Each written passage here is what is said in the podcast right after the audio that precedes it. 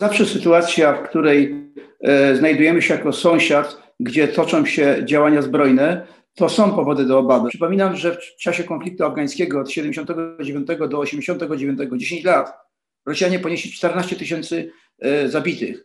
10 lat, a tutaj mamy 14 dni i mamy połowę tego. Porównując potencjał bojowy armii rosyjskiej i ukraińskiej, to jest jak Dawid z Goliatem. To też świadczy o korupcji w armii rosyjskiej, o tym, że racje żywnościowe są przeterminowane siedmioletnie, o tym, że amunicja jest złej jakości, o tym, że czołgi i transportery się psują, o tym, że brakuje paliwa. Żądania wysuwane przez stronę rosyjską są chyba nie do spełnienia przez Ukrainę.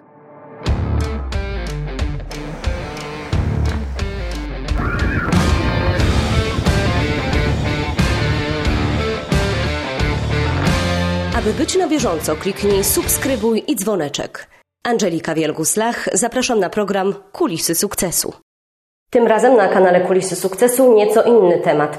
Konflikt rosyjsko-ukraiński. Podpytamy m.in. czy my Polacy mamy się czego obawiać. Zapraszam do wysłuchania rozmowy z Mieczysławem Bieńkiem, generałem Wojska Polskiego w stanie spoczynku. Wywiad został nagrany dzień przed emisją. Panie generale, na początek pytanie, które nurtuje myślę wiele osób. Czy my Polacy mamy się czego obawiać w związku z konfliktem za naszą wschodnią granicą?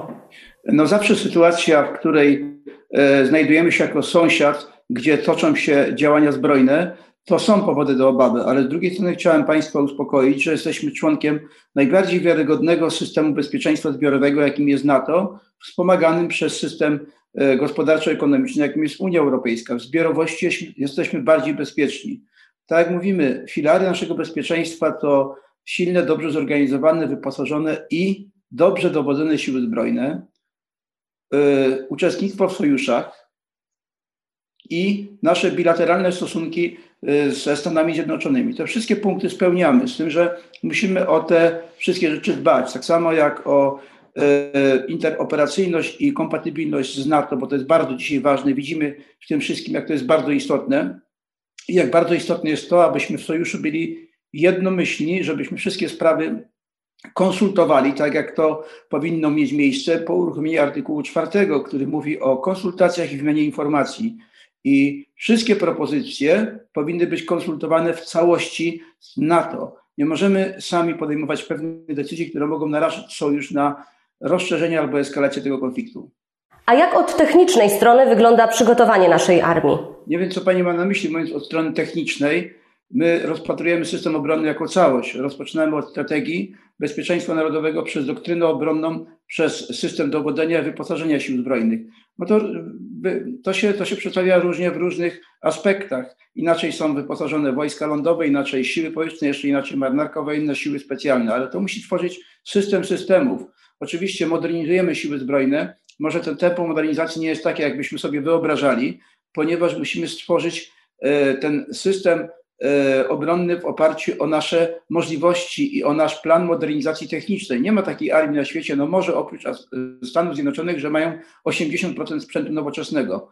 My przede wszystkim musimy się skupić na obronie powietrznej i przeciwrakietowej. Ten system wymaga natychmiastowego, natychmiastowej poprawy. Obrona powietrza to nie tylko e, samoloty, które strzegą naszego nieba, ale również system obrony przeciwlotniczej naziemna, a więc rakiety średniego i krótkiego zasięgu. Ten system musimy natychmiast uzupełniać. Z tego co widzimy, e, zakupiliśmy dwie baterie e, patriotów, które prawdopodobnie w przyszłym roku wejdą e, do linii. Póki co posiłkujemy się sojusznikami i naszymi siłami powietrznymi. E, musimy zwiększyć nasze możliwości odstraszania poprzez zakup systemów e, artyleryjskiego dalekiego zasięgu oraz e, pocisków rakietowych wystrzeliwanych z samolotów F-16, ale z drugiej strony potrzebujemy system zobrazowania pola walki, wykrywania i wskazywania celów ewentualnych. Tak jak widzimy tutaj w tym konflikcie, Rosjanie zaatakowali rakietami manewrującymi cele zarówno barbarzyńsko w miastach, jak i w bazach ale Rosjanie, ale Rosjanie również zostali zaatakowani, co prawda dwukrotnie dopiero, przez rakiety e, e, ukraińskie, które e, oszczelały lotnisko w Rostowie nad Donem. Czyli my, gdybyśmy hipotetycznie zostali napadnięci, musimy mieć możliwość niszczenia celów na dużych odległościach, a to z kolei wymaga nie tylko posiadania rakiet, ale systemu wykrywania i naprowadzania. Tego nie mamy. No wiele rzeczy, które byśmy chcieli zrobić, robimy, ale trwa to za wolno. myślę, że teraz ten system, ten, ten proces nabierze przyspieszenia. Panie generale, a Pana zdaniem jaki będzie wynik wojny Rosja-Ukraina? Ja e, życzę e, bardzo dobrze stronie ukraińskiej, a szczególnie łączę się w cierpieniach i w bólu z mieszkańcami miast, wiosek, miasteczek, tymi ludźmi, którzy siedzą w schronach, dziećmi, którzy, które będą żyły z traumą wojny przez całe życie, ale życzę również e, dobrze i kibicuję, jak również podziwiam armię ukraińską za ich zdecydowany opór, za dobry manewr, za rozpoznanie, za celne i bardzo e, bolesne uderzenia, które wykonują na wojska rosyjskie, ale również za opór zwykłych, normalnych mieszkańców miasta Herson jest tego przykładem. E, trudno mi powiedzieć, jaki będzie wynik. Na pewno teraz widzimy Center of Gravity się przesunął na Kijów, starają się zmiękczyć e, obywateli Kijowa nękaniem, bombardowaniem okolicznych e, przedmieść, wojną propagandową, mówiąc o tym, że zaraz przyjdą najemnicy Wagnera, a to inni, którzy będą tutaj wtargną do miasta i będą mordowali. Oczywiście jest to wojna psychologiczna, ale również jest to niepozbawione realiów. Widzimy, że frontu nie ma.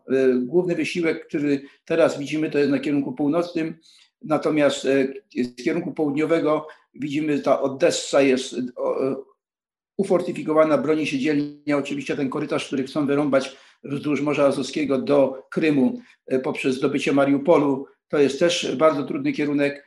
I ze wschodu e, oddziały, które się poruszają, aby zamknąć albo dojść do, do Kijowa. Natomiast opór jest bardzo duży. Od czasu do czasu e, Ukraińcy wykonują celne kontrataki, naruszając strukturę i tak już rozbitych częściowo sił rosyjskich. Rosjanie ponieśli, nawet gdybyśmy mówili, bo tam strona ukraińska podaje 12 tysięcy, 11 tysięcy, nawet gdyby to było połowę, 6 tysięcy, to są olbrzymie straty. Do tego dodamy 12-20 tysięcy rannych. To jest jedna trzecia sił, które zostały zatrudnione. Przypominam, że w czasie konfliktu afgańskiego od 79 do 89, 10 lat, Rosjanie ponieśli 14 tysięcy e, zabitych. 10 lat, a tutaj mamy 14 dni i mamy połowę tego. To ta trauma trumien, które będą wracały do Rosji, na pewno wróci. Trauma, e, trauma obywateli, matek, e, żon, sióstr e, rosyjskich żołnierzy zabitych w Afganistanie i w Groźnym, w Czeczeni wróci. I to na pewno odbije się również na moralach nie tylko społeczeństwa, ale przede wszystkim tych żołnierzy rosyjskich, którzy dzisiaj nie, niedoszkoleni, źle wyposażeni, źle dowodzeni, bez współdziałania, bez celów taktycznych, pogubieni w tym wszystkim, z brakiem zabezpieczenia logistycznego, technicznego. E, morale ich coraz bardziej opadają. Słyszymy o pojedynczych przypadkach, a nawet i grupowych dezercji. Słyszymy o przypadkach e, odmawiania wykonania rozkazu. Mam nadzieję, że ci dowódcy niższego szczebla zdają sobie sprawę, że wydanie rozkazu oszczału e, miast, gdzie mieszkają ludzie, gdzie dzieci z baterii na przykład gradów, to jest wielolufowa wyrzutnia pocisków rakietowych. To jest zbrodnia. Mam nadzieję, że oni to o tym pamiętają i będą e, zdawali sobie sprawę, że kiedyś ich nazwiska pojawią się w Trybunale w Hadze. A czy mógłby się Pan pokusić o przedstawienie scenariusza, gdyby Ukraina wygrała wojnę albo gdyby Rosja wygrała tę wojnę? To znaczy, tu nie ma zwycięzców. Ja myślę, że jeśli Ukraina się obroni i zada jeszcze bardziej potężne straty e, nieprzyjacielowi, będzie e, to platforma, ona już jest platformą do jakichś tam rozmów, tylko że żądania wysuwane przez stronę rosyjską są chyba nie do spełnienia przez Ukrainę. Ich żądania, tak z tego, co Pieskow tam wypowiedział, to uznanie e, Republik Donieckiej, Ługańskiej, Krymu e, i tych terenów, które ewentualnie oni dzisiaj zdobyli, za tereny legalnie przynależące do Rosji i ogłoszenie statusu państwa neutralnego przez Ukrainę. Ja myślę, że strona ukraińska, ponosząc tak olbrzymie straty, do, na takie żądania się nie zgodzi. Oczywiście pozycja prezydenta Żeleńskiego jest bardzo trudna, ja jego rozumiem, bo z perspektywy Kijowa, Odessy, Mariupola, Charkowa jest inaczej niż z perspektywy Krakowa, Warszawy, Brukseli czy Waszyngtonu. E, on będzie miał presję i z niektórych swoich ludzi i, i, i społeczeństwa, ale również i przywódców Zachodu, żeby w jakiś sposób zakończyć ten konflikt. Tylko w jaki sposób, to tylko zależy od strony ukraińskiej i strona ukraińska musi być stroną tych rokowań, przy wsparciu oczywiście intensywnym państw zachodnich, które potępiają Rosję, które nakładają sankcje. Te sankcje osiągają, dosięgają również i nas, bo to działa w dwie strony, ale chcielibyśmy, żeby Rosja i społeczeństwo rosyjskie zrozumiało, że to jest droga donikąd, a działania Putina wprowadza te potężne, te wielkie państwo geograficzne i, i, i, i surowcowe na, na drogę Korei Północnej, na pełną izolację światową. Panie generale, na koniec prosiłabym o porównanie armii rosyjskiej, armii ukraińskiej, ich przygotowania, sprzętu, jakim dysponują. To może zaczniemy od tego, że od 2014 roku armia ukraińska, która była zdziesiątkowana, zdezorganizowana, skorumpowana, e, źle dowodzona, wyciągnęła lekcję. Ta armia przez te 7 lat była szkolona, dowyposażona, przeorganizowana i zresztą walczyła z tymi separatystami z Donbasu i z Ługańska. Szkolenie było bardzo intensywne, wyposażenie również, byli tam za, zaangażowani instruktorzy amerykańscy, brytyjscy, również i polscy.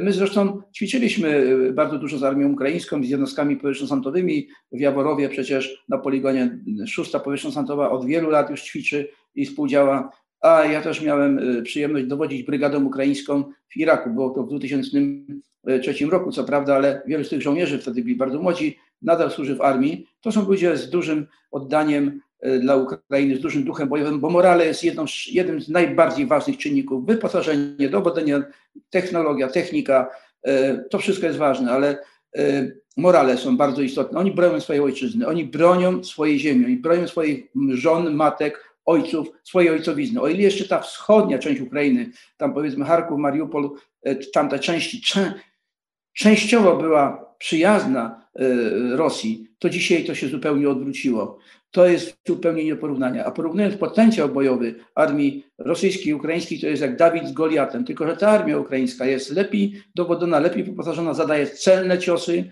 E, jeśli chodzi o siły powietrzne, oczywiście to totalna przewaga jest rosyjska. Jeśli chodzi o wojska lądowe, to widzimy 150-180 tysięcy zostało zaangażowanych przeciwko może 50-60 po mobilizacji może 100 tysięcy żołnierzy zorganizowanych batalionowe, grupy bojowe, grupy manewrowe, grupy uderzeniowe, grupy wsparcia logistycznego i zabezpieczenia, ale oni walczą na terenie swojego kraju. I nawet o tych stratach, o których mówiłem, jeśli straty strony rosyjskiej wynoszą 30-25%, w batalionie, w kompanii, w brygadzie, to te straty są trudne do uzupełnienia. Już nie mówię tylko o logistyce, o amunicji, o pociskach, o benzynie, o, o racjach żywnościowych, ale w, w ludziach, w żywych, w żywych y, stanach osobowych. Oni muszą sprowadzać jakieś od, y, odwody, rezerwy strategiczne z innych okręgów, uzupełniając stany osobowe żołnierzy, którzy zginęli, czyli obsługi dział, czołgów, artylerii. Natomiast strona ukraińska walczy u siebie, ma zmobilizowane siły, ma przeszkolone rezerwy. To uzupełnienie odbywa się bardzo szybko, bardzo sprawnie i bardzo intensywnie. Tak jak powiedziałem, potencjał uderzeniowy armii rosyjskiej jest znacznie większy, z tym, że jest przestarzałe niektóre systemy, lotnictwo nie wykorzystuje nowoczesnych metod e, działania na polu walki i oby tak było. Ilość okazuje się pocisków naprowadzanych precyzyjnie jest też ograniczona. To też świadczy o korupcji w armii rosyjskiej, o tym, że racje żywnościowe są przeterminowane, siedmioletnie, o tym, że amunicja jest złej jakości, o tym, że czołgi i transportery się psują, o tym, że brakuje paliwa albo jest złej jakości. To wszystko też świadczy o tym, jak ta armia była zarządzana. Być może siły powietrzne, siły rakietowo-kosmiczne, e, siły specnazu czy wojsk powietrzno może są lepszej jakości i lepiej wyszkolone, ale widzieliśmy, że nawet te siły są e, pokonywane w różnego rodzaju starciach i bojach.